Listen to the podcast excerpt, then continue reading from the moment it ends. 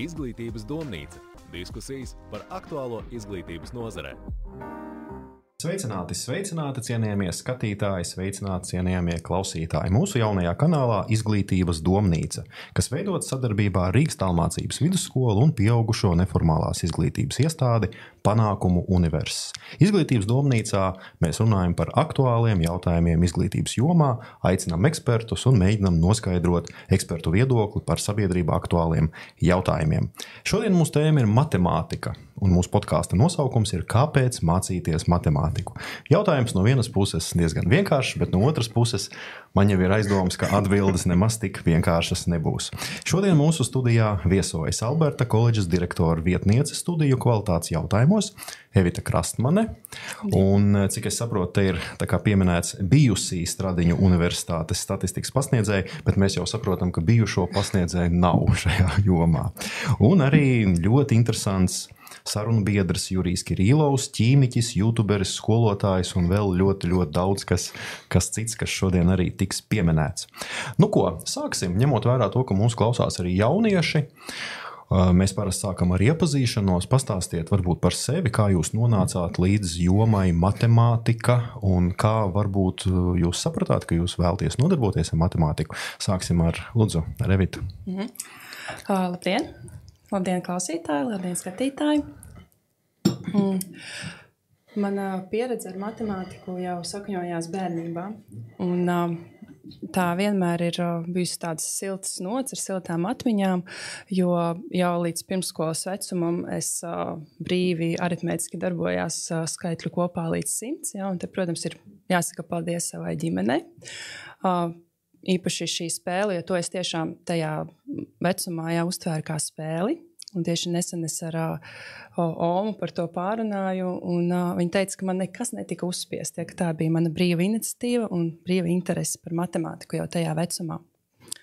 Un uh, šī interese nemazinājās. Ja, un, uh, pēc uh, studijām vidusskolā, ja, kad bija jāizlemj, kur tālāk doties studēt, tad uh, viennozīmīgi tā bija matemātikas statistika, ko es gribēju apgūt.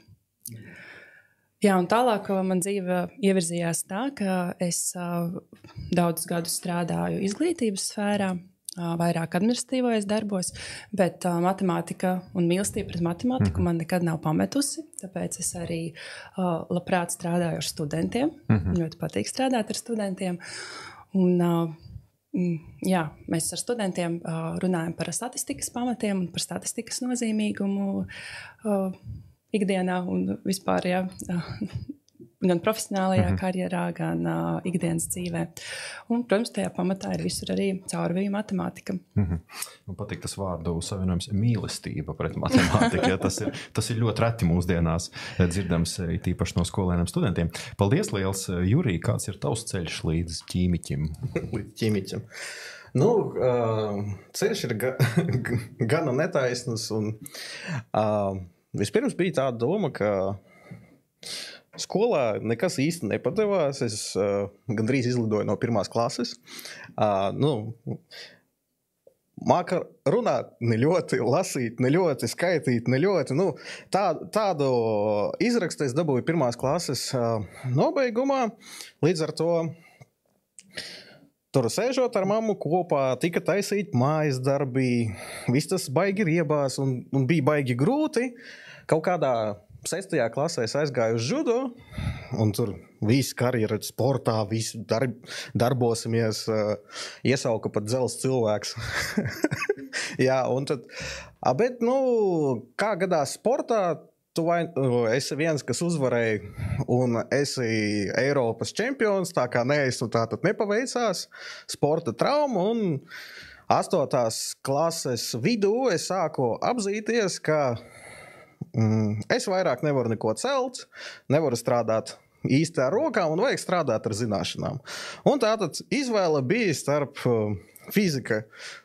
Mm, Uzbūvēt skāpi, jā. Kvantu fizika, gaisma. Es varu paskaidrot, es varu pateikt, kuras ierīces jālieto, bet man tas neinteresē. Bioloģija, nu, vienīgais jautājums, kas bija bioloģijā, man interesants bija par to, kur tas aug un kā to var apēst. tas ir vienīgais, ko es reāli biju uzdevis sev vis, visas uh, uh, botānikas ku, kursa uh, ietvaros. Un, bet tā, astotajā klasē es sapratu, ka ot, ķīmija patīk, bliežam. Tur papildus uzdevumi, papildus rēķināšana, prasu papildus mājas darbus. Un tas man aizrauja, jo es pats sev uzdodu kaut kādus jautājumus. Un, un sapro, saprotams, ka mācoties ķīmiju, tu ļoti labi apgūst arī basic matemātika. Tāpēc, ka tev vajag saskaitīt, piemeklēt mazāko kopīgo dalāmo, dalītājus, koeficientus Tas ir, jā, tas ir 4. klases matemātika. Varbūt 5. es mācīju pagājušajā gadā 5. klasi. Varbūt, jā, bet tas ir ļoti diezgan laika ietilpīga darbošanās. Un mācoties ķīmiju tālāk, jūs apgūstat skaitīšanu, molus. Um, tālāk, aiz, aizejot uz uh, universitāti, jums ir augstākā matemātika Piedodiet, profesori, ka šis priekšmets bija nokārtots tikai uz četri. Man tiešām nebija ne lielākās intereses, ne laika, jo es biju precēts un strādāju divos darbos. Tāpēc, lai piedod man augstākā matemātika, bet nu, kaut kā tā katru dienu esmu lietojis, lietoju un lietošu. Un tā ir mana dzīve. Tāda Devita pieminēja, ka tā vairāk ir loģika, ja, kas, kas eh, lika uzdot šo galveno jautājumu, kas tad īsti ir šī loģika. Un, un, un Jurijam vairāk tā ir atbildes uz jautājumiem. Es tā saprotu, ja, ka bērnībā interesē jautājumi, tagad vēl aizvien vairāk ir. Ja. Un kas ar to ir? Tad mēs arī tevi pieteicām kā youtuberi. Tad kas tas īsti ir? Ko tu nodarbojies un, un kas ir šajos YouTube? YouTube materiālos. Nu, sauc mani Jurijs Kirillovs, tad uh, Facebook, Instagram, TikToks arī Jurijs Kirillovs. Un pa lielam uh, es filmēju video par ķīmiju.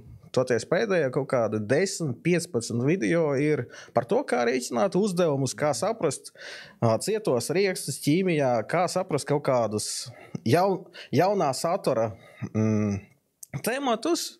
Un es reāli daudz bija patērējis laika, lai pats izprastu. Tagad palīdz skolēniem, un visi, kas grib, var atnākt un brīv, brīvpieejā paskatīties. Jo materiāli tika mhm. krāti desmitiem gadu, un tagad ir īstais laiks, kad es gan veidoju savus kursus, gan filmēju YouTube. Ja saprotams, ka YouTube ir tikai 52 video, mm -hmm. ko redz visi, bet Jā. īstenībā viņi ir krietni daudz vairāk. Jā, Jā. Paldies, liels. Un tad varbūt jautājums runājot par to pieredzi. Es domāju, ka daudz mūsu klausītāji, tīpaši tie, kas ir skolēni, varbūt arī domā par Mm, matemātika, varbūt daudziem ir šī mīlestība pret matemātiku, un daudz arī grib atrast atbildes uz jautājumiem. Um, kā notika šis jūsu studiju process, pieredze? Jo daudziem, daudziem matemātika ir matemātika, algebra, geometrija. Jautājums ir, kā, kā matemātika var izstiept uz visu studiju procesu, un varbūt jūs varat minēt, kāds bija tas studiju process, kādi priekšmeti jums likās visinteresantākie, un kādi priekšmeti uh, likās uh, visgrūtākie, kur pat četrnieku izrādās, ka pat skolotāji var dabūt. Ja? Varbūt sāksim ar. ar ar Reviti? Uh, jā, nu jau uh, ilgs laiks pagājis kopš studijām, protams. Uh, bet uh, man grūtības sagādāja programmēšana. Jā, un arī mums bija fizika, un arī fizika nebija mans. Uh, savukārt, uh, to, ko es uh, atceros, kas man patika, tad, uh, tā ir uh, algebra arī augstskolā. Uh, un um, diferenciāli vienādojumi. Tie gan arī man likās sarežģīts priekšmets, jā, bet, uh, jā, bet tas bija arī tāds, uh, kas man uh, palika atmiņā. Un um, varbūtības teorija. Pasniedzēji noteikti spēlē lielu lomu arī jā, šajos pieminētajos un tie pasniedzēji, kuri uh, motivē mācīties, uh, parādīja to, ka tā nav tikai plika teorija, mm -hmm. kā, kā, ir, mm -hmm. kā to var uh, pielietot arī dzīvē. Tad, protams, tas arī Šis, manuprāt, ir mūsu pirmais uh, punkts, pie kā mēs varētu nedaudz apstāties un izcelt. Jo arī man bērnībā bija izteikts problēmas ar matemātiku, neskatoties to, ka es teicu, pasniedzu ekonomiku un priekšmets, kas saistās ar matemātiku. Daudz skolotāji, kad redz mani uz ielas, viņi jautā, kā, kā tas vispār ir iespējams. Tu knapi varēji uh, matemātiku saprast. Un tad es beigās sapratu, kur ir tā problēma visu pamatskolu un visu vidusskolu man neviens no skolotājiem neizskaidroja, priekš kā man ir jāliek kopā cipari ar burtiem. Un ko nozīmē trīs stūri, kad mēs to es vispār nesapratu. Un es mācījos ar, ar tādu iekaušanas metodi, mēģināt saprast un atcerēties, kā tas jāliek kopā. Bet, kad man sāk padoties matemātika, es jau tālāk nonācu augstskolā, Un man sākās mikroekonomika, makroekonomika, finanšu matemātika, statistika, varbūtības teorija. Un pasniedzēji vienmēr sāk ar to, kam mm. šis priekšmets ir vajadzīgs un ko ar to priekšmetu var panākt. Un interesantākais bija tas, ka visi šie pasniedzēji bija nozares līderi. Tie bija pasniedzēji, kas bija mācījušies labākajās skolās, tā skaitā Hārvarda. Un skatoties uz šiem cilvēkiem, tu saprati, ka varbūt tomēr tiešām viņi kaut ko ir sapratuši matemātikā vairāk un mēģināja to tiešām izskaidrot arī mums. Man liekas, ka tā patiešām ir tā pirmā vislielākā problēma, ka mēs neizskaidrojam, ka matemātika ir mums apkārt un ka ļoti, ļoti būtiski ir mēģināt um, pastāstīt, kam tad viņi ir vajadzīgi. Kā bija tev, Jurija, vai tev ir līdzīgs gadījums augstskolā tieši, kuri tev priekšmeti lika tā vairāk, vēl vairāk iedziļināties matemātikā? Nu, sāksim ar to, ka sāksim. Es zinu, ka visiem gribās tur augstskolu. Paņemsim skolas līmeni. Jā, matemātikā nebija tas priekšmets, kas reāli man padevās tik vienkārši. Jā, tas bija. Uh, es biju pieņēmis to faktu, ka Vispirms man jāieka ļoti laba teorija, mm -hmm. un pēc tam viņa jāpraktizē uz kaut kādiem piemēriem. Jā, un man reiz nebija reāli teikts, ka šis te. Mm, kaste, kurā jūs novelkat diagonāli, uh, jums reāli vajadzēs viņu izgriezt mm. un tā tālāk. Toties tas nebija saistīts ar praksi, un vairāk uzdevumi bija teorētiski. Bet no vienas puses tas ir aptuveni, ka tev ir instrumentu kaste. Mm -hmm. Kamēr tu viņu neatvērsi, nepačamdīsi un nepamēģināsi tur kaut ko piegriezt, kaut ko sazāģēt, un nesapratīsi, kam to reāli vajag. Jo man tas bija tas pats ar programmēšanu. Es, es atnācu uz programmēšanas nometni, kur, kur pretendentiem bija jābūt kaut kādas zināšanas mm -hmm. PHP valodā. Mm -hmm. Un es biju tas aptuveni tīrā lapa, kura cilvēks, kas redz programmēšanu pirmo reizi, bet nu atkal tev izbēra visu kastu ar instrumentiem. Un parāda, ok, šeit, nu, ar šo jūs varētu darīt to un to, bet kā jūs reāli tos instrumentus saliksiet kopā un kas, ko jūs dabūsiet uh, tālāk, tas ir jau jūsu izdoma. Un toties, uh, ir svarīgi apgūt tās pamatmetodes, to saskaitīšanu. Mums taču ir kalkulatori. Nē, ņemiet papīrīti. Kāpēc? Jo tā saskaitīšana uz papīrīša attīsta koncentrāciju. Jūs tur sēžat tā, man jāatcerās. Šito saskaitam viens galvā, tur vēl kaut kas. Es vienkārši pagājušajā gadā mācīju piekto klasi.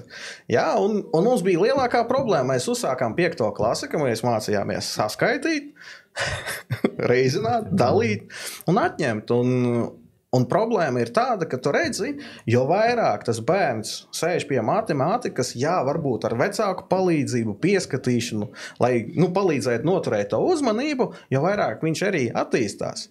Jo tie bērni sāk runāt sarežģītākiem teikumiem, ne vienkārši atbildēt, jā, nē, varbūt nezinu, negribu. Jā, bet viņi uzreiz sāk domāt, jā, tā ir loģika, un matemātika ir instruments, kas ir atzīts, kas attīsta smadzenes. Mēs šodien jokojām ar manu kolēģi, sporta skolotāju. Mm -hmm. Es viņam vienkārši uzdevu tos jautājumus, kur, kurus tu man atsūtīji. Un uh, viņš teica, nevajag. Nu, nevajag jums matemātiku. Nu, pieņem to faktu, ka nevajag. Uh, un tad uh, jūs aiziet. Uh, Izmācāties skolu, dabūjāt diplomu, jums nav matemātikas. Bet visa pasaule ir uzbūvēta uz matem nu, matemātiku. Jūs gribat iegūt tālāko izglītību. Uh, Un jūs pierādat, ka jūs sevi esat attīstījis, nu, nezinu, spēlējot dambreti. Un jūs Jums tad jāuzstājas zinātnisks pētījums, ka Dāmbrita attīstīs jūs līdzvērtīgi, un tad jūs iestājoties universitātē, dabūsiet atzīmi nevis matemātikā, bet Dāmbrita spēlēšanā. Un tad es arī esmu tikpat attīstīts. Bet kamēr tas laiks paies, varbūt jūs, jūs arī neko tā arī nesasniegsiet. Nu, vat, toties jāsaprot, ka Tas bija vairāk tā kā sarkastiski, ka nevajag mācīties matemātiku. Nu, saprotams, jā, nu. jā, jā, tas ir Ok. jāuzsver, jā, jā. Jā, es zinu, ka pret Vajag manu sarkasmu izjūtu ne, ne visi ir iecietīgi un ne visi saprot, ka es esmu sarkastisks un kad es runāju patiesību. Ja? Un, un tad real, realitātē um, šeit problēma nav tā, ka cilvēki negrib mācīties matemātiku. Tur problēma ir dziļāka. Kāpēc man vispār ir jāattīstās? Jā, kāpēc es, kāpēc es zinu, kāpēc es gribu kļūt labāk? Jo manas zināšanas palielinās manu algu, pieņemsim. Es zinu, ka vairāk nopelnot, es varāk, varēšu sev vairāk atļauties. Man ir tāda iekšējā motivācija, bet bērniem mēs runājam. Es biju sarunājies ar Latvijas miljonāriem pirms nedēļas, un reāli viņi redz to problēmu, ka mm, viņu bērni nerisina problēmas. Nu, tāties, problēma ir atvērt žurnālu, izlasīt mājas darbu, pēc tam pēc izlasīšanas atvērt savu grāmatiņu un atrast uzdevumu. Tas ir vesela procedūra. Mu- Mums ar tevi tas nav problēma. Nu, Mums atrast zinātnisko publikāciju zem septiņiem zīmogiem, kaut kādā superslepenā vietā, nav problēma. Ja vajag, atradīsim. Bet jauniešiem izra... ir tas, ka vismazākās piepūles izraisa depresiju. Jā, nu toties. Un, un tā vienkārši ir tieksme dzīvot, zināt, būt labākam. Nu, kā sportā, nu, vai tu zini, vai tu esi fiziski visstiprākais, vai tev, vai tev ir slepenais paņēmiens?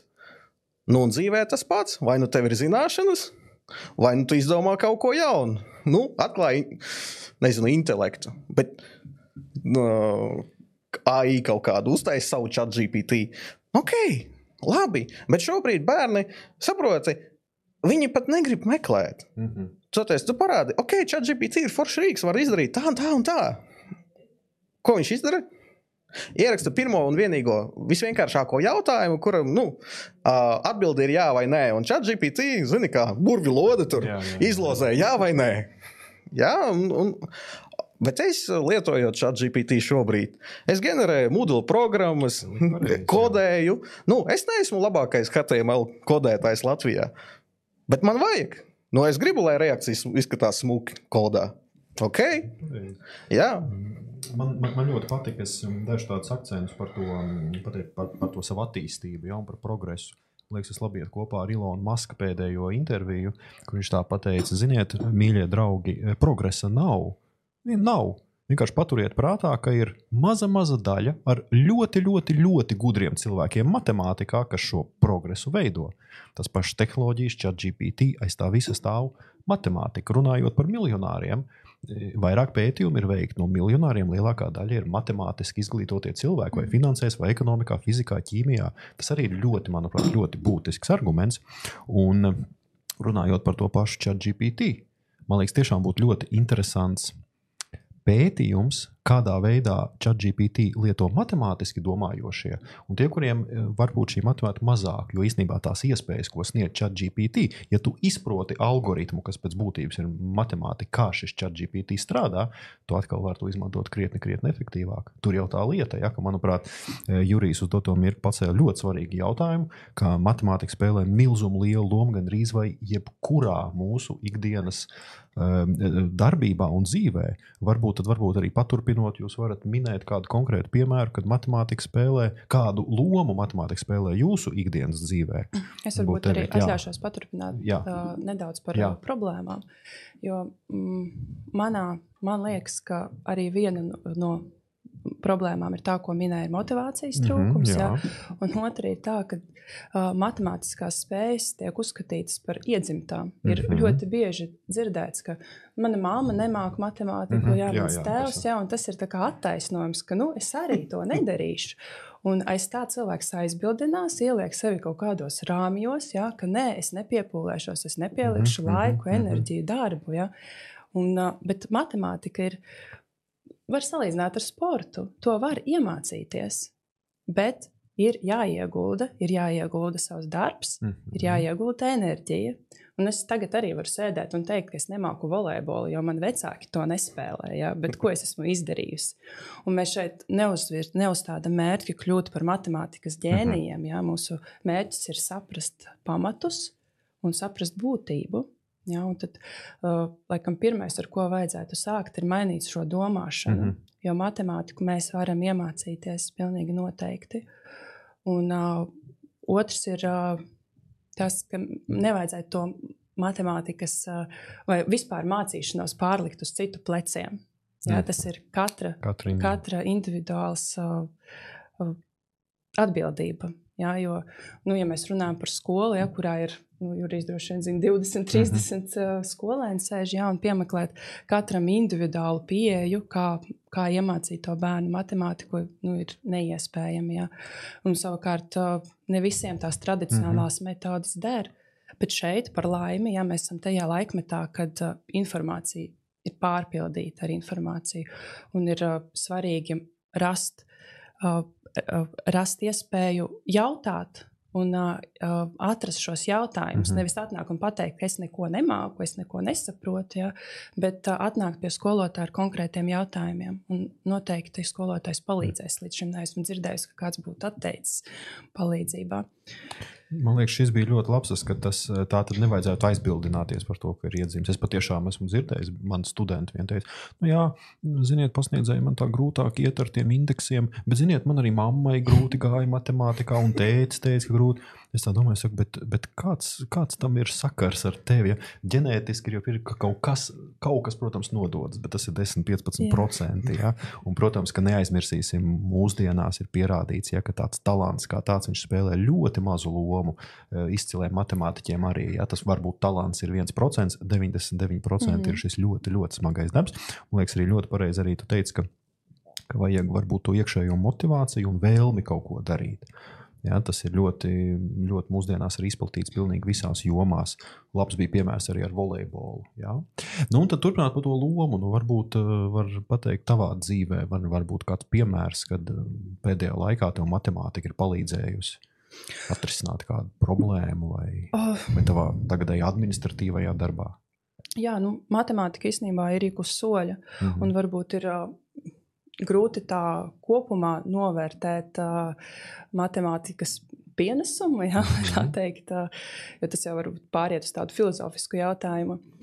Uh, bet ikdienā, jā, nu, strādājot ar studentiem, ir skaidrs, ka matemātika tieši pielietojama jau nepieciešama, bet manā administratīvajā darbā mm, ir tāpat matemātika ir caurviju. Mm -hmm. Ir dati, ir statistika, ar kur, kurus ir jāapstrādā, kurus jāsaprot, kā uz viņiem skatīties un ko no viņiem var ieraudzīt. Ja?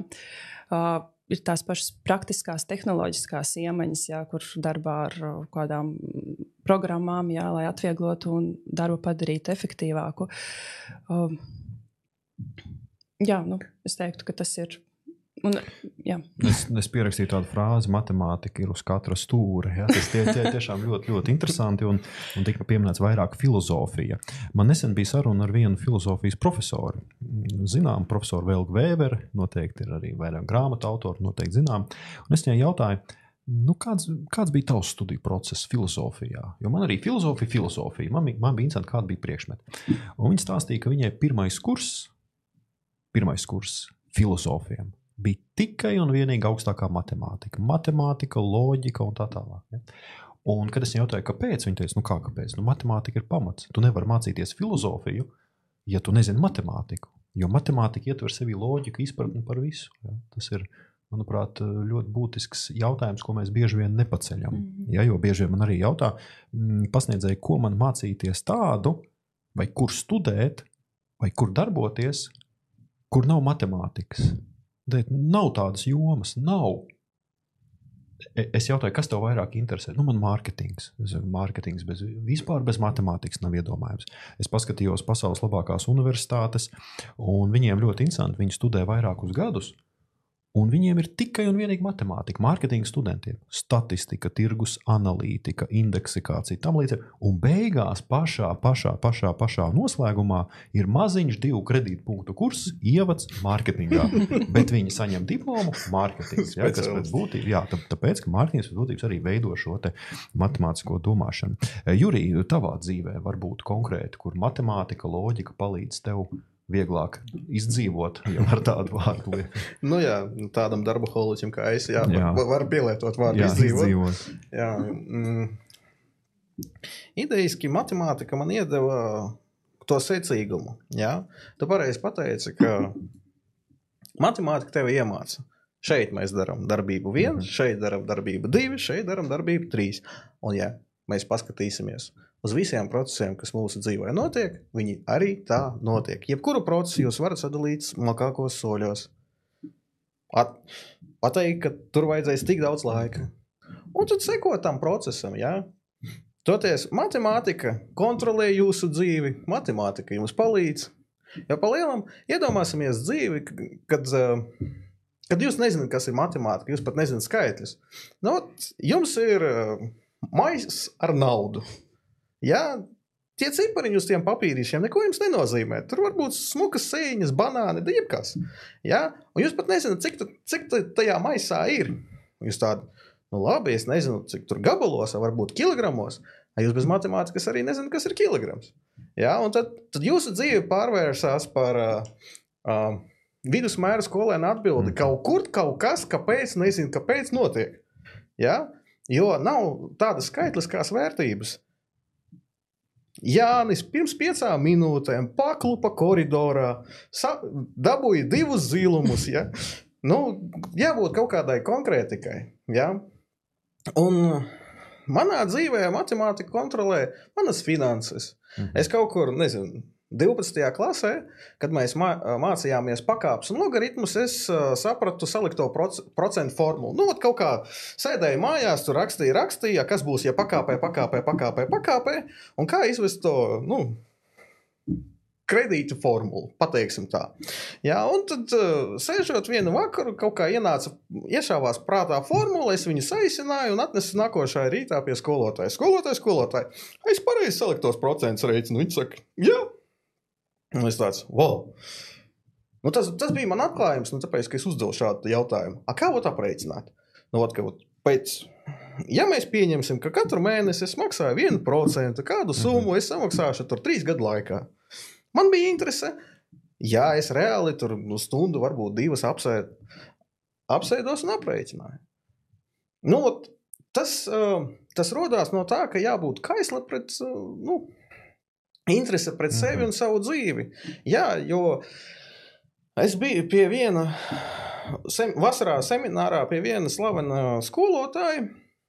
Viņš teica, ka jā, ja priekšmets ir par sevi, mm. viņš ir 300 tūkstoši procentu interesantāks nekā par Jāni, par Mariju. Kā man tas palīdzēs? Ja? Un Nu, YouTube skaita skaitītāji, Jā, nu, to jā, skatītājus, laiku, citi parametri. Jā.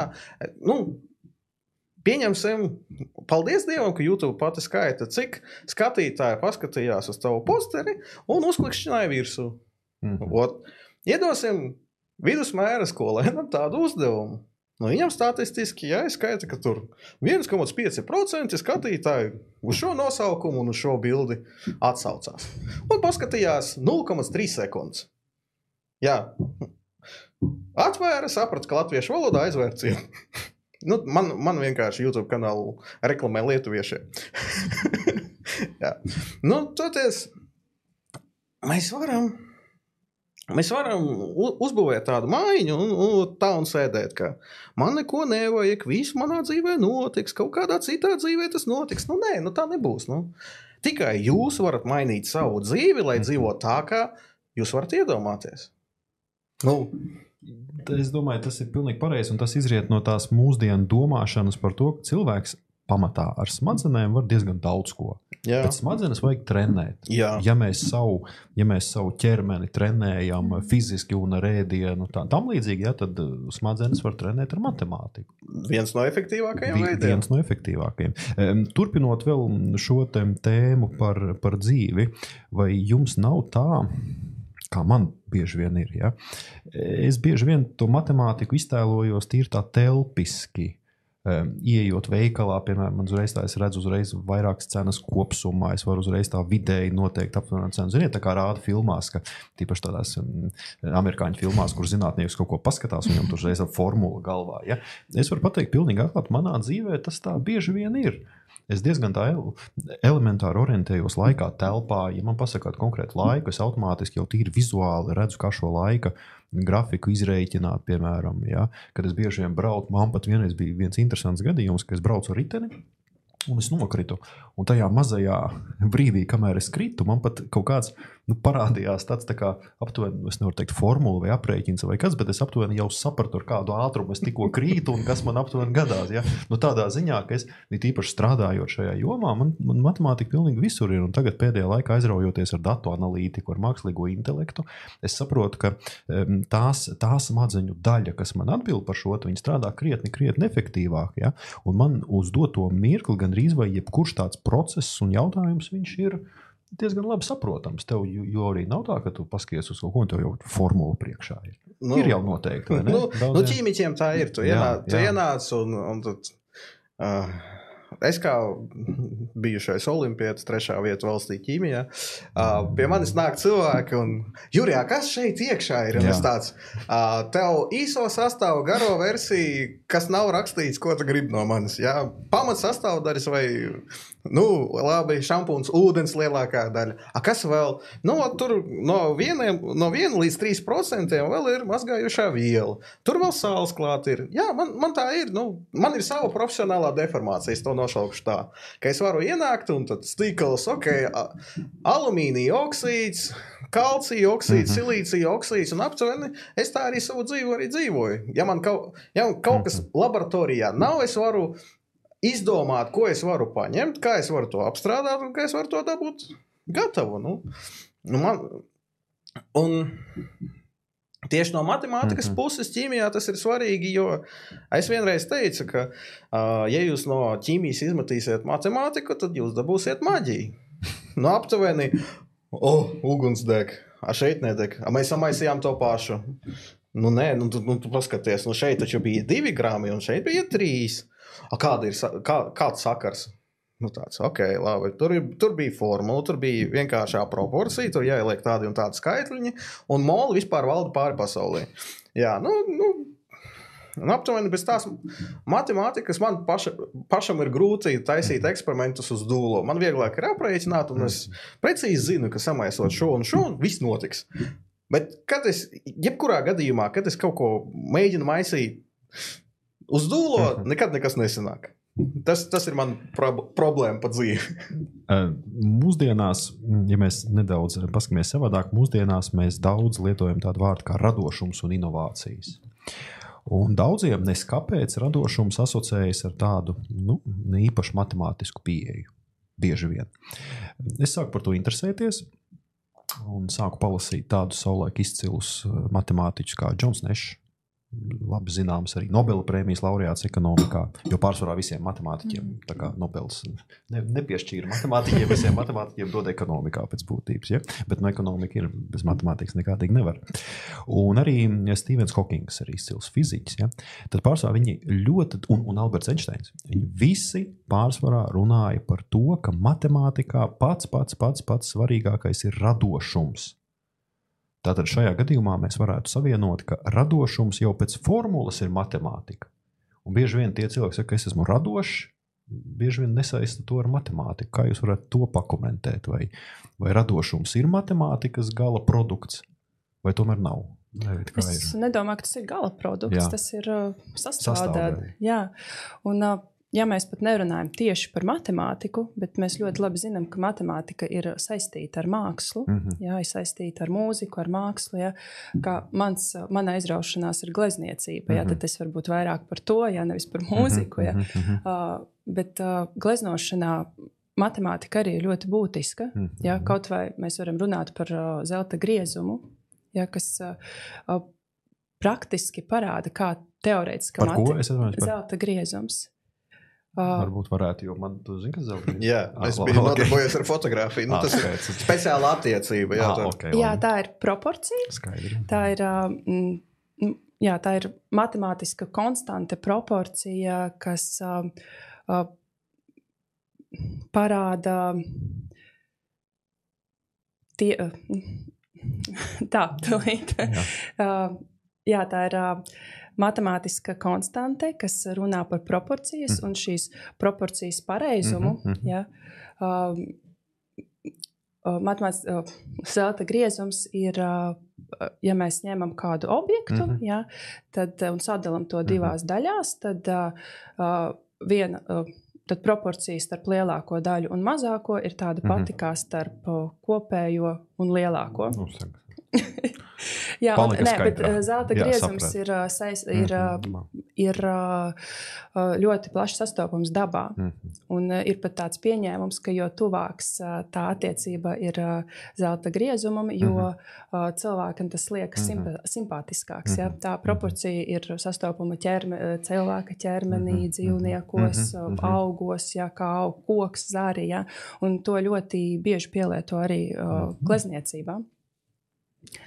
Tad izrādās, ka pat šajā jomā tas var noderēt. Jā. Jā. Un, un ja mēs runājam par, par dizaineriem, nu, atkal Jā. plaša pieredze, plašs paziņu lokus. Un tad, tad pa lielam tā arī ir matemātika. Nu, skatieties, jūs esat saskatījušies visas reklāmas. Tur. Jūs braucat pa pilsētu, skatāties, šī reklāma tā. Patīk, nepatīk. Tā attiecības starp burbuļu lielumu un izmēru. Ok, un statistiski dizainera smadzenēs tas taču uzkrājās, ka ot, 30% reklāmā mūsdienās, ot, šodien, janvāra mēnesī, zilā krāsa. Uh, burtī 30 metru attālumā no viena metra. Nu, viņam taču paliek tas zemapziņā. Viņš vienkārši mhm. netaisa Excel tabulu un neizraksta savas domas. Jā, bet statistika, viņš uzkrāja tos datus, vizuāli atcerās.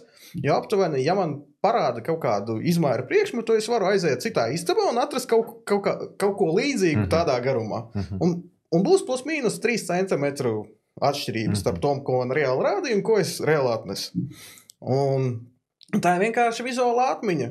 Vienkārši tie, cil, tie kreatīvie cilvēki, arī iedvesmojās. Jo arī intelekts Mūsdien, mūsdienās mēs viņam nobarojam kaut kādus datus, un viņš uztaisa statistiku. Mm -hmm. Jā, tāda bilde. Ka cilvēkam nu, standartā jābūt pieci pirksti, nevis astoņi. Jā, mhm. viņi jāaug no rokām. Nevis, nu, tā, tā ir statistika. Jā, ka cilvēkam ir divas acis, nevis trīs, viena pa vidu. Tātad jūs, jūs uzkrājat lielu datu bāzi un meklējat kopīgumu. Mm -hmm. Un tāpēc tā, tā tas kreatīvais ir palielinājums statistika. Mm -hmm. Tāpēc tu saskatījies citu autora darbus, pēc tam tev iešāvās galvā ģeniāla doma, mm -hmm. pēc tam tu saproti kontekstu, un pēc saviem uzskatiem, lietojot tos datus, jau sast, nu, uztaisīt savu gleznu darbu, mūzikas, mūzikas darbu, gleznu skulptūru. Tā ko gribi? Tas, starp citu, arī diezgan interesanti iet kopā ar viena no jomām, ko mēs saucam arī par kultūru, tautas dejas. Jo interesanti ir tas, ka Latvijas tautas deju savulaik pamatlicēji tiek slika pamatus. Uh, Uldis um, šajā gadījumā Uldis Steins, Imants Magone, Spūra. Viņi īstenībā nemaz pēc izglītības nebija um, mākslinieki. Viņi visi pēc izglītības bija vai nu fiziķi, vai mm. matemātiķi, vai nu šajā gadījumā arhitekti. Ja? Un kas bija pats interesantākais, ka tad, kad es sāku jau dejot, un tad, kad es redzēju no augšas dziesmu un deju svētku lielu uzvedumu mums, lielzudums tieši dejās. Tad es laikam sapratu, cik matemātika milzumu lielu lomu spēlēja arī šo cilvēku radošajā fantāzijā. Jo vēl aizvien skatoties uz tām dejām, ko ir radījuši tā laika meistari, kas lika pamatus visai latviešu tautas dejai, būdami pēc izglītības matemātiski domājošie, skatoties uz to, tu tikai pēc tam sāc saprast, kā, kā tās kustības varēja izveidot, lai uz skatuves 12 pāri, kas ir 24 cilvēki, strādātu sinhroni Un tad bija ļoti interesanti. Es klausījos vienu interviju ar Hulsteinu, vektoru savulaika vadītāju. Vektors jau arī nu, zina, virzienu norāda. Ja? Un viņš arī stāstīja par vairākiem arī saviem skolotājiem dejās, kas arī bija ļoti matemātiski domājoši. Viņš teica, ziniet, un, ši, un šo dēļu viņš izveidoja kā algoritmu. Ja, tas algoritms bija tā formula, ir ielikta tajā, ka tas ir vienots mehānisms. Ja, ir jāstrādā kā vienotam mehānismam, tam līdzīgi. Ja, tā kā man liekas, arī tas iet ļoti kopā arī ar to, ko teica par gleznošanu. Mm -hmm. ja, ka tam līdzīgi nu, tur arī tagad, ja es, es līdz tam nebiju par to aizdomājies.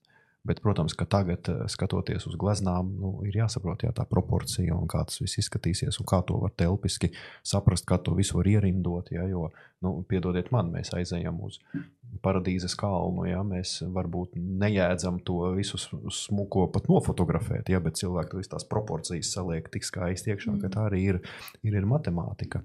Um, ir tāds pieņēmums, ka matemātiķi ir mierīgi sakarā ar to, ka viņi zina atbildes ļoti daudziem jautājumiem ka viņu šajā gadījumā šī smadzeņu darbība, ņemot vērā, šīs smadzenes ir uztrenētas, ka viņas nereaģē uz, uz stresiem, ka īstenībā nav tādas īstas, izteiktas eh, sociālās trauksmes, ka pēc būtības šīs smadzenes ir tā satrenētas, ka viņām ir, ir ļoti daudz kas skaidrs un ka viņi ir vairāk tādi, nu, es negribu lietot vārdu cīniski, bet tomēr krietni mierīgāki uz notiekošo pasaulē. Jūs tam piekrītat? Jums matemātiskās zināšanas dod kaut kādu mierīgumu visā tajā, ka jūs aptuveni jau varat izkalkulēt, kas notiks, kā reaģēs cilvēks kādā ziņā. Nu, tāda, nu, tā, tā strateģiski domājot. Ja, varbūt, nu, strateģiski, jā. Nu, Jo atkal, analizējot ziņas, uh mhm. -huh. tu, jā, jā. tu vari analizēt katru atsevišķo ziņu, -huh. un vari analizēt plūsmu un tendenci. Ja? Mm. Tūlīt tā nos no politikas. Jā, jā tas ir tas, kas tas ir svarīgi. Jā. Nu, līdz ar to jūs, jūs varat redzēt tās tendences. Kas kur notiek, kāpēc uh, akcijas svārstās? Ja kaut kur jā. pasaulē kaut kas notiek, ja? Mhm. uh, tur apstājās kuģis, šeit uh, kaut kas nenotiek. Ja, līdz ar to jūs saprotat, kāpēc notiek tās svārstības, un matemātiskās do, do, domāšanas spējas jums dod to loģiku, ka mm -hmm. no mhm. punkta A tas kuģis brauc uz punktu B. Ja šeit kaut kas nenotiek, tā prece nenonāk Eiropā, Latvijā, un tāpēc cena uz to preci uzkāps. Līdz ar to metodi, jā, mēs to ekonomikā saucam par viļņu metodi. Jā. Es starp citu arī ļoti ar, arī to personīgi savā dzīvē izmantoju, skatoties uz notikumiem pasaulē man ir diezgan viegli investēt, jo es arī nodarbojos ar investīcijām un saprotot to, es aptuveni saprotu, kādas būs izmaiņas finanšu tirgos. Man bija diezgan viegli. Man, man, man ļoti daudz arī studenti, piemēram, jautāja, kā jūs varējāt paredzēt ja, daudzus notikumus ekonomikā. Es teicu, tā ir loģika. Tā ir, tā ir matemātiskā loģika, ko mēs saliekam kopā ar ekonomiku. Un krīzes šajā gadījumā atkārtojas. Tas ir matemātiski, var izreikināt, cik bieži krīzes notiek, kāpēc viņas notiek. Ja? Attiecībā par inflāciju bija skaidrs. Ja? Lielākajai daļai cilvēku, kas tajā ir, ir skaidrs, un mēs mierīgāk dzīvojam šajā gadījumā. Arī mm attiecībā par finansēm, piemēram. Ja mēs ļoti labi zinām, kā veidojas cena, mēs labi zinām, kāpēc šī cena ir attiecīgi tāda. Ja? Tāpēc arī šajā gadījumā tas arī, manuprāt, ir tāds ļoti, ļoti labs piemērs. Evita, ir kaut kas piebilstams, varbūt. Jā, es domāju, par... ka to var tā visu savilkt kopā Jā. un norādīt uz to, ka matemātika attīsta arī kritisko domāšanu mm -hmm. un uh, problēmu risināšanas prasmes. Un, uh, tas, protams, nenozīmē, ka uh, Pitagora teorēmu -hmm. mēs tagad pielietosim dzīvē un uh, atrisināsim kādu mūsu problēmu, jā, -hmm. vai ārkārtīgi -hmm. sarežģītu kvadrātu vienādojumu, bet tās prasmes, to pieeju, ko mēs attīstam analītiski domājot, risinot matemātiskus uzdevumus, kad mums ir jāidentificē problēma, mums pa soļiem loģiski jā, jāatrod risinājumi, līdz mēs tiekam pie rezultāta, tas, protams, attīsta mūsu spējas pēc tam uh, atrisināt problēmas arī ikdienas situācijās. Un tas noteikti arī ro, rod šo varbūt mierīgāko uh, mm -hmm. sajūtu, mm -hmm. jo tu zini, tu zini problēmu, tu zini, kā viņu risināt, vai, nu, mm -hmm. ja mhm. nezini, mm -hmm. kā viņu risināt, tad nav par ko viņu satraukties. Un, uh, tu, tu ej mērķiecīgi uz rezultātu. Savulaik Alberts Einsteins teica tādu frāzi, ja viņam būtu stunda, lai izglābtu pasauli no bojājas, tad 50 minūtes viņš veltītu problēmas definējumam, 10 minūtes risinājumam. Ja? Tad matemātika tiešām sakot, vienmēr saistās ar šo problēmas, problēmas definējumu. Um, labi, mūsu klausītāji skolēni. Iespējams, mēs esam pārliecināti, tāpēc ka mūsu uzdevums nav pārliecināt. Mūsu uzdevums ir, lai cilvēki ieklausās tajā, un, ka matemātika ir tiešām neatņemama dzīves sastāvdaļa, un mēs nevaram iedomāties jomas, kur matemātika nespēlētu lomu. Iespējams, kāds to ir saklausījis un ir sapratis, jā, bet īstenībā esmu, piemēram, esmu nodzīvojis tik ilgi, bet es īstenībā neko nesaprotu. Es nesaprotu daudzus notikumus. Es, es gribu sākt mācīties. Ko jūs ieteiktu? Kā, kā sākt mācīties matemātiku? Jurija, tev varbūt kā skolotājiem, kā parasti. Oi. Nu, jāsaprot, uh, kā, man kā privāts skolotājam, es varu pateikt, tā, ka kaut kas ir ielaists, tas uh -huh. ir mhm. aptuveni kā ieskriet uh, braucošā prom no, nu, no tevis prom brauc vilciens. Un, tev, un tavs uzdevums uh, saņemt savus spēkus. Uh, ar savām prasmēm, spējām izanalizēt, ko tu tieši nesaproti. Mm -hmm. vai, vai pasaukt palīdzīgā kādu pieaugušu skolotāju, privātu skolotāju. Nu, tam, tam, tam nav liels nozīmes. Vienkārši, ja mēs apzināmies, ka mums ir problēma, un mēs sākam to risināt, un varbūt rīt, pa, pareiķinot šovakar papildus divus piemērus, rīt tas nemainīs manu mhm. atzīmi. Jo atkal, ja mēs runājam par to, ka Nu, ot, Jānis nesanāca tas matemātikas kontrols darbs. Nu, ot, bet mm -hmm. viņš mā, mājās pasēdēja vēl pusstundu vairāk, un, un tad nākošajā viņš dabūja Ne 2, bet 2,22. Ja? Kopējai matemātikas ainai viņa atzīmēs tas neko nemaina. Bet Jānim tas ir progress, un Jānim tas ir jāciena un jāturpina darbības. Jo nekad, nu, ne, nevar ar vienu stundu panākt to, ko tu esi kam valsts programma velta, nu, nezinu, sešas stundas. Mm -hmm. Ātrākais, ko es varu dabūt privātās stundās, nu, nezinu, viens pret trīs, nu, tas ir ja, ja tēma ir tikai pārunāt, kā, kā tur pārstrāde ietekmē mm -hmm. dzīves kvalitāti. Mm -hmm. ja? Bet tomēr, kā tas bija personīgi, man, man matemātika nepac, nepadevās nu, nekādīgi. Nu, es taisu muļķīgas kļūdas. Es varu saskaitīt 2 plus 2, dabūt 3, 5, vai jebkuru ciparu. Ja, nu, jo Manas domas iet krietni ātrāk nekā es rakstu, un šobrīd es ierakstu savu balsi Google Translate. Mm -hmm. Uh, lai vienkārši ne, nezaudētu vārdus, mhm. burtus un vēl kaut ko. Nu, tas, tas ir vienkārši iedzimts. Un līdz ar to es reāli veltīju laiku. Es sēdēju naktī, pat vectētiņš nāca divos naktī, jūrija ej gulēt, elektrība ir dārga. Tur, nu, ot, viss tajā stilā. Mm, paldies tam cilvēkam, kas dzena mani gulēt. Uh, bet es sapratu, ka man nepietiek to piemēru. Mm -hmm. Ir vienkārši tās, var skatīties lekcijas, bet kamēr tu reāli nerisini, nedari līdzi, ne, mhm. nereicini līdzīgu piemēru, tas neko tev nedos. Jo man ir bērni skatītāji, viņi atnāk, skolotājs tur YouTube šovu taisa taču skolā. Ja? Jā, jā. jā, jā. Nolasa savu lekciju, uzdot jautājumus, kad uzdot jautājumus. Mēs tāpat joprojām sēžam. Nu, varbūt ne tā, bet šitā ar mobilo telefonu. Tā. Jā, jā, hokeja 3,5. Jā, nu aptuveni. Bet uh, jāsaprot, ka cilvēka dzīve ir ierobežota pēc laika, pareizi. Un ja mēs to laiku nevērtējam, Nu, es kaut kādā, nezinu, cik man bija gadi, kad es mm. apzinos, ka mans laiks ir vērtīgs, man dzīve nav bezgalīga. Un joprojām tas, ot, mm -hmm, tas laiks, laiks, laiks, laiks, laiks, laiks, laiks. Man pēc diviem gadiem ir 30. Un es saprotu, tā, mašīna, dzīvoklis, sieva. Mašīna, dzīvoklis, sieva. Un tā es pamostos katru rītu, un es saprotu, ka vajag naudu. Jā, un tāpēc es augu un finansiāli, un, un taisu privātas stundas un kursus. Pašmācība. Jā. Un, un jāsaprot, ka jā, pašmācības ceļā. Jo neviens labākais privāts skolotājs Ja ne, nevar Mhm. ā, tā izgriezt ā, Mhm. un nu, ielikt savas smadzenes. Ja? Jo smadzenes dresējās. Un man ir reāli cilvēki, kas Covid laikā atnāca pie manis tur, nesaprotot matemātiku, neveidojot kaut kādas loģiskās ķēdes. Viņi vienkārši nāca pie manis reizes nedēļā, un, un reāli 4, 5 gadu laikā tie cilvēki nezinu, kāpēc kļūst ne tikai zināms ķīmijā, Mhm. bet vienkārši sakarīgi jeb, jebkurā priekšmetā, ja viņi saprot, kā mācīties. Ja? Un mācīšanās ir algoritms. Noklausīties, uzdot jautājumu, uztaisīt mājas darbu. Jā, jā mēs zinām, ka GPT aprēķinās tur matemāt, matemātiku jebkādā veidā, no bildes, no rokraksta, no teksta uzdevumiem, latviešu valodā, ķīniešu valodā. Tā jebkā. Bet tas ir chat GPT darbs, tas nav tavs personīgais. Jo tu attīsti nevis chat GPT, bet tev jāattīsta sevi. Jo kādā dzīves brīdī tu ar to chat GPT sacensīsies.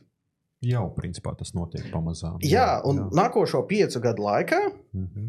ja tu nevari sacensties ar chat GPT, ok, tavs algas limits Mhm. un viss. Un, un nebūs tā, ka atlidos kāds brīnums princis un iedos tev miljonu. Jā, mākslīgais intelekts nepalīdzēs šajā Jā. jautājumā.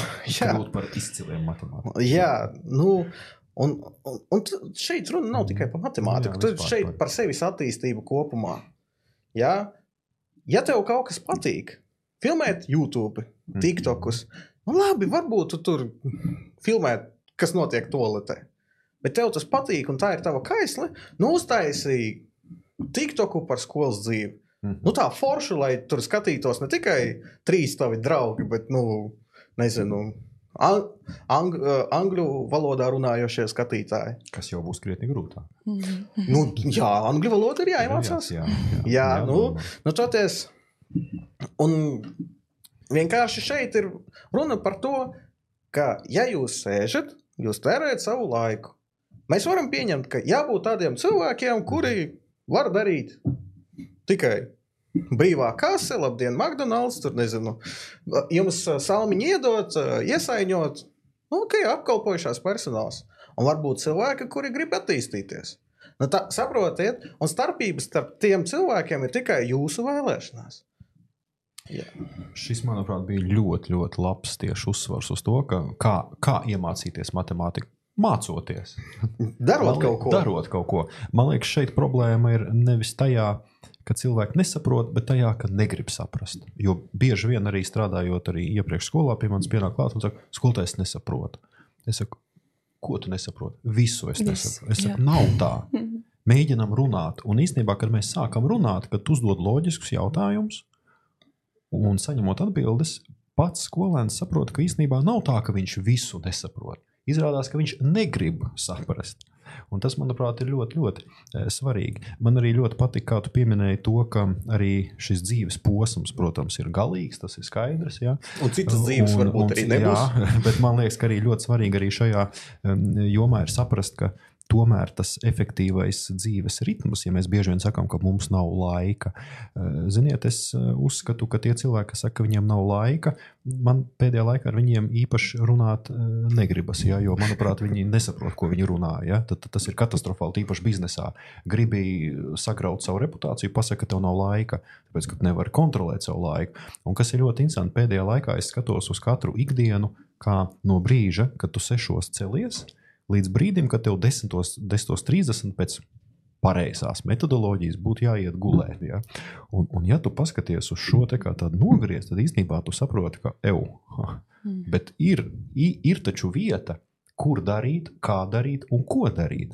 Un attiecībā par to, protams, ka matemātika nav zinātnīs joma, kur mēs apgūsim šodien, rīt un parīt.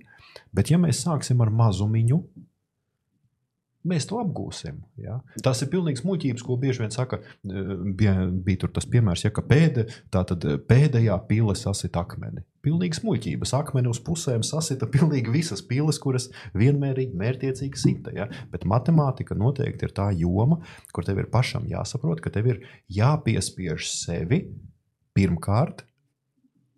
Un tas ir jādara. Un tad tas notiks pats par sevi. Tas ir ļoti līdzīgi kā, kā iešanā, kā soļošanā, kā sportā. Nu, sāc iet. Nu, ja tu gribi noskriet maratonu, tev ir tas nav grūti to var izdarīt jebkurš, bet tev ir jāsāk ar mazumiņu. Tu pirmajā dienā noskries 100 metrus, pēc tam 200 km, un tā, un tā tas aizies. Un tāpat ar matemātiku, ja, tīpaši mūsdienās, kad apkārt ir tik daudz iespējas, ja, jauniešiem vienkārši ir jāsaprot, ka tas ir jādara pašam, un tev pašam iekšā jābūt ir tai vēlmei. Bet, protams, manuprāt, šeit arī liela loma arī skolotāja spēlē. Man liekas, ka šodien arī daudz jauniešu, kas klausīsies, arī, arī jūs kā ekspertus, arī aizdomāsies līdz ļoti daudziem jautājumiem. Jā. Bija kaut kas piebilstams par šo te? Par Nu, jā, es atceros, kā, ko man teica mana ķīmijas skolotāja, kad Jā. gatavo, gatavo, gatavojoties Olimpijādai. Nu, Juri, ja tu gribi rezultāts vienu stundu Mhm. katru dienu, bez brīvdienām, bez svētkiem, bez tur braukšanām, katru dienu, vienu stundu vismaz. Kas, starp citu, matemātiski rēķinot, būs 7 stundas nedēļā. 31 stunda mēnesī, un tad gadā, gadā, gadā. Un, ja mēs atkal izsakām to bieži vien šo te, kā es arī daudziem saku, saviem studentiem, paņemiet stundu, sadaliet viņu 15 minūtes. Tas ir īstenībā, ja jūs gribat uzzināt, cik tas ir, sāciet lasīt. Un palasiet 15 minūtes, un jūs sapratīsiet, cik jūs daudz šajās 15 minūtēs varat īstenībā izlasīt. Pēc tam, ja mēs to atkal pareiķinām, cik tas ir nedēļā, cik tas ir mēnesī, cik tas ir gadā. Jā, tad šajā gadījumā atkal mēs runājam par to, ka arī matemātiski ir jāsāk domāt no mazumiņa, no šodienas un, un, un, un tajā brīdī, kurā tu dzīvo. Jā, jā. Jā.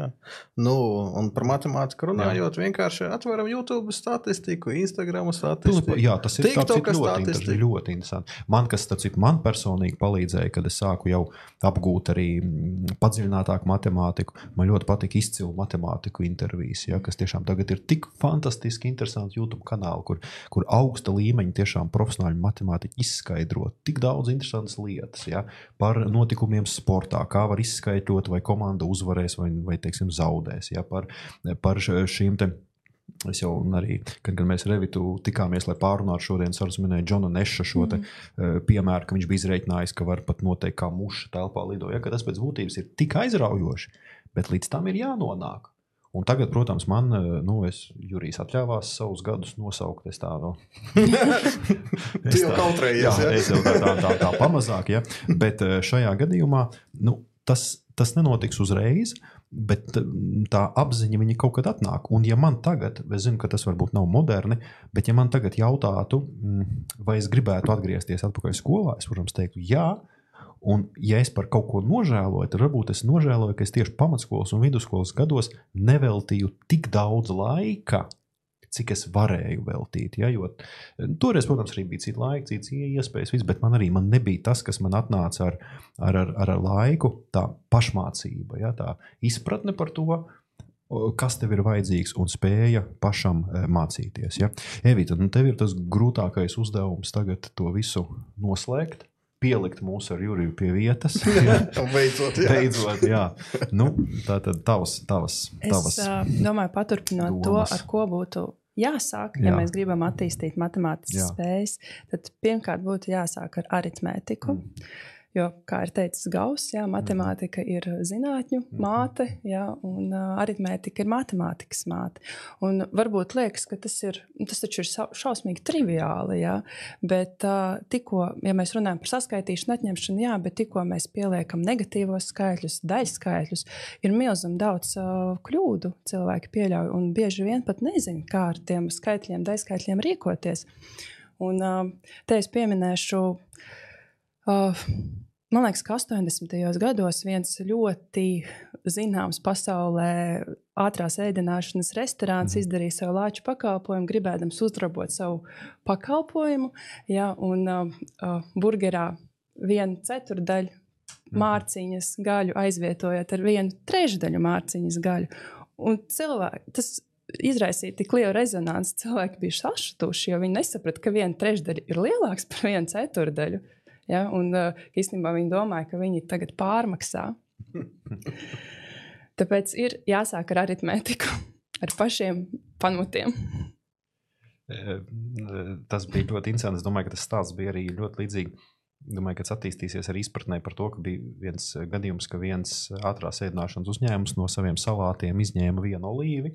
Tad tas bija aprēķināts, ka cik tie ir miljoniem kilogramu olīvju, teiksim, atti attiecīgā laika posmā šajā gadījumā. Jā, bet te redziet, Jāsāk, jā, vinnē jā, restorāns, jā, šeit jau bija cilvēkiem, jā, Nē, paši. Jurī, tavs noslēguma vārds. O, jaunieši. Ziniet, es pateikšu tā. Kas jūs būsiet šajā dzīvē, lemjot jūs paši. Ja? Uh, un, ja jūs sev sazīmējat kaut kādu noteiktu ainu, un tur nav matemātikas, nu, mēs nevaram jūs sodīt, mēs nevaram saukt pie atbildības, ka matemātiku nu, vat vajag, nu, nu, lūdzu. Tas ir tikai sevis dēļ. Ja?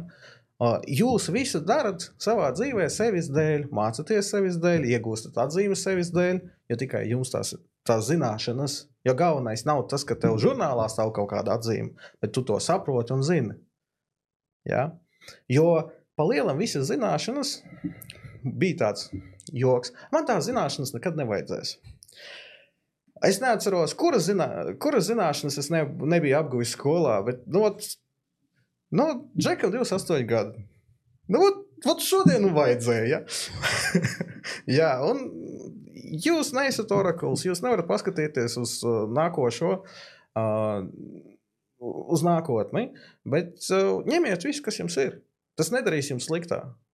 Mm. Jo jūs vairāk zināt, jo esat interesantāks cilvēks, jo vairāk jūs varat uztaisīt interesantas sarunas, iepazīsties, ie, ie, atrast īstus, reālus draugus, ar kuriem ir par ko parunāt. Jūs sev darat par labu.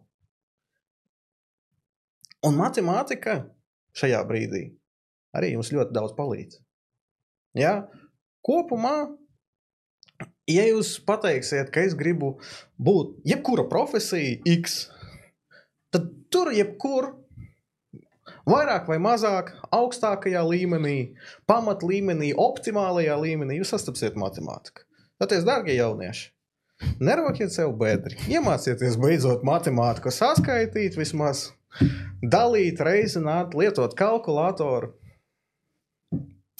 Man liekas, arī ļoti labi sanāca, un tas mūsu nobeigums arī vēlreiz apliecināja to mūsu pamatu ideju šai sarunai. Jautājums bija, kāpēc mācīties matemātiku, un mūsu mērķis nebija pierādīt vai kādam uzspiest, ka bez tā nevar dzīvot. tam. Nē, Analītika, jā, tabulas, jā, jā. pilnīgi pareizi. jā. Cik procenti pelna vairāk, ja zina matemātiku? Nē, Nē, 3% tā- labāk. Nē, tā nenotiek. pareizi. Mūsu galvenais uzdevums bija, lai jūs paši sev uzdodat šo jautājumu. Kāpēc mācīties matemātiku? Ja atbildes ir tikpat interesantas kā mūsu šodienas sarunu biedriem, tad, manuprāt, ir, viss ir skaisti un viss ir ļoti forši. Ja atbilde ir, ka man tas nav vajadzīgs, nu, iespējams, paies laiks, un jūs sapratīsiet, ka varbūt jūs kļūdījāties. Varbūt nē, arī tā gadās. Ir cilvēki, kas nodzīvo dzīvi un nekad neko nesaprot. Bet ir cilvēki, kas nonāk līdz konkrētiem. Līdz konkrētām atbildēm. Tā kā šajā gadījumā, man liekas, mēs esam pacēluši šo galveno jautājumu, ka katrs pats ir atbildīgs par to. Un arī mūsdienās izglītība arī to nepārtraukti piemin, ja, ka skolotājs spēlē lomu, kurā tiek dota iespēja. Gribi mācīties, negribi nemācīties. Bet, ja tu negribi mācīties, tad aizdomājies lūdzu līdz brīdim, kas notiks tālāk, un kā tu varēsi attīstīties, kā tu varēsi kļūt par sabiedrības locekli, un kā tu varēsi dominēt šajā sabiedrībā, kur liela daļa tomēr grib attīstīties. Un nobeigt es gribētu ar Zigmunda Freida vārdiem. Dzīves jēga ir nepārtraukta sevis pilnveidošana. Tātad visi tie, kas nezina matemātiku, sāciet sevi pilnveidot un sāciet mācīties matemātiku. Paldies liels šodienas mūsu runātājiem, paldies liels Jurija, paldies Evita, un lai jums dzīvē veicās, un lai matemātika vēl aizvien turpina iet jums līdzās. Un man tiešām vēl aizvien gribas pieminēt arī Evits frāzi, ja, ka izjūtu mīlestību pret matemātiku, lai visi izjūtu mīlestību pret matemātiku. Paldies! Atā. Visu labu.